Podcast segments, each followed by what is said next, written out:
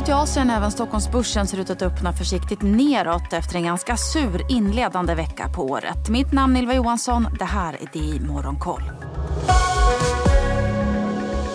Tokyobörsen håller stängt rött till följd av helgdag. Det är annars neråt på de ledande börserna i Asien. Shanghai-börsen och Shenzhen-börsen backar 1 vardera och Hongkong-börsen är ner nästan 2% samtidigt som Hang Sengs techindex är ner runt 3% till sin lägsta nivå sedan i november 2022 till följd av oro över ökade regleringar i spelsektorn. Bland enskilda bolag så faller Xiaomi hela 5% Tencent och Alibaba backar båda runt 2 Sent i fredags kom också beskedet att den skuldtyngda kinesiska skuggbanken banken Chongsi som har haft stor exponering mot den krisande fastighetssektorn har ansökt om konkurs.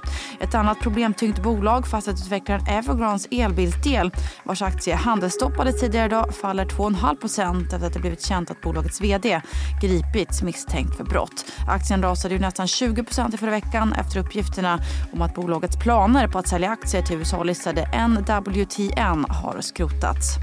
Oljepriset backar också över 1 idag efter att Saudiarabien sänkt sina försäljningspriser i samtliga regioner vilket stärker marknadens bild av en minskad efterfrågan framöver och överskuggar oron kring en eskalering av konflikten i Röda havet. Brentoljan kostar knappt 78 dollar fatet.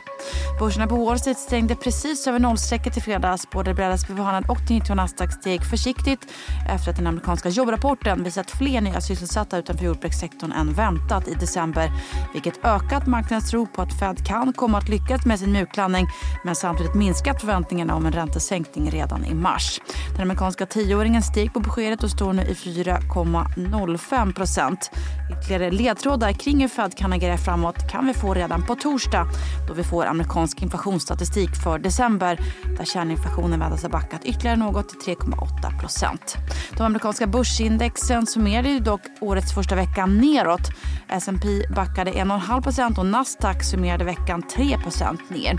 Samtidigt så drar nu rapportsäsongen igång här i veckan. Som vanligt så är det bankjättarna med JP Morgan i spetsen som är först ut att öppna böckerna på fredag. Vi håller också ögonen på Apple i veckan som enligt uppgifter till New York Times hotas att stämmas för konkurrensbrott av det amerikanska justitiedepartementet. Och så håller vi ett öga på Boeing som är skakas av en ny skandal efter att en nödutgångsöppning på ett helt nytt 737 MAX 9-flygplan tillhörande Alaska Airlines blåst bort under en flygning. Något som fått en rad flygbolag världen över att stoppa flygningar med flygplansmodellen. I veckan så väntas vi också få ett besked om den första kryptohandlade ETFen kommer att få godkänt i USA eller inte. På tal om krypto så meddelade också amerikanska kryptobörsen Coinbase i fredags att man planerar att erbjuda kryptovaluta-relaterade derivat i EU.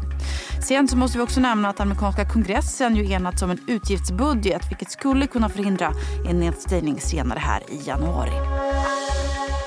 Så till Sverige där Clas Ohlson släppt försäljningssiffror för december. Och försäljningen exklusive Spares-koncernen landade på 11% varav onlineförsäljningen exklusive Spares på 22% Om man däremot räknar in Spares så landade den totala försäljningstillväxten på 15% Och så har vi fått en omvänd vinstvarning från den danska smycketillverkaren Pandora som överträffade tillväxtprognosen för helåret 2023 med en organisk försäljningstillväxt på preliminärt 8% vilket är att jämföra med prognosen på 5 6 Även svenska Hansa Pharma har kommit med en uppdatering för det fjärde kvartalet och väntar sig totala intäkter på 50 miljoner kronor och ett rörelseresultat på minus 177 miljoner. Samtidigt så meddelar bolaget att man ingått ett partnerskap med Newbridge Pharmaceuticals för att kunna erbjuda njurtransplantationspatienter i Mellanöstern och Nordafrika Hansas nya Idefirix-behandling. Idag så är det också sista dagen att buda på Oscar Properties fastigheter i DNBs pantförsäljning.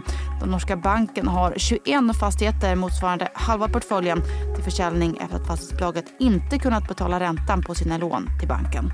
Idag ser vi också fram emot SAS trafiksiffror för december och så får vi konjunkturbarometer från euroområdet och Fed New Yorks mätning över inflationsförväntningarna i december.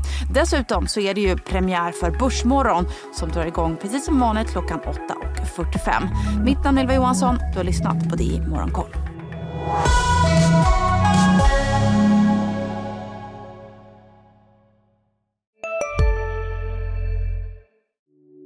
Hej, Ulf Kristersson här. På många sätt är det en mörk tid vi lever i. Men nu tar vi ett stort steg för att göra Sverige till en tryggare och säkrare plats. Sverige är nu medlem i Nato. En för alla, alla för en. Där det finns ett samhälle, där finns det brott. Krimrummet är podden som tar brottsligheten på allvar. Jag bjuder in landets ledande experter och tar upp aktuella rättegångsfall för att begripliggöra den kriminalitet som kryper allt närmare. Du, alltså, du kan knäcka ett eller några gäng, men det kommer komma nya och så kan vi knäcka dem sen. Men att du ska knäcka allt forever, det kommer aldrig ske. Det är infinite gain. Lyssna på Krimrummet, en podd från Expressen med mig Kim Malmgren.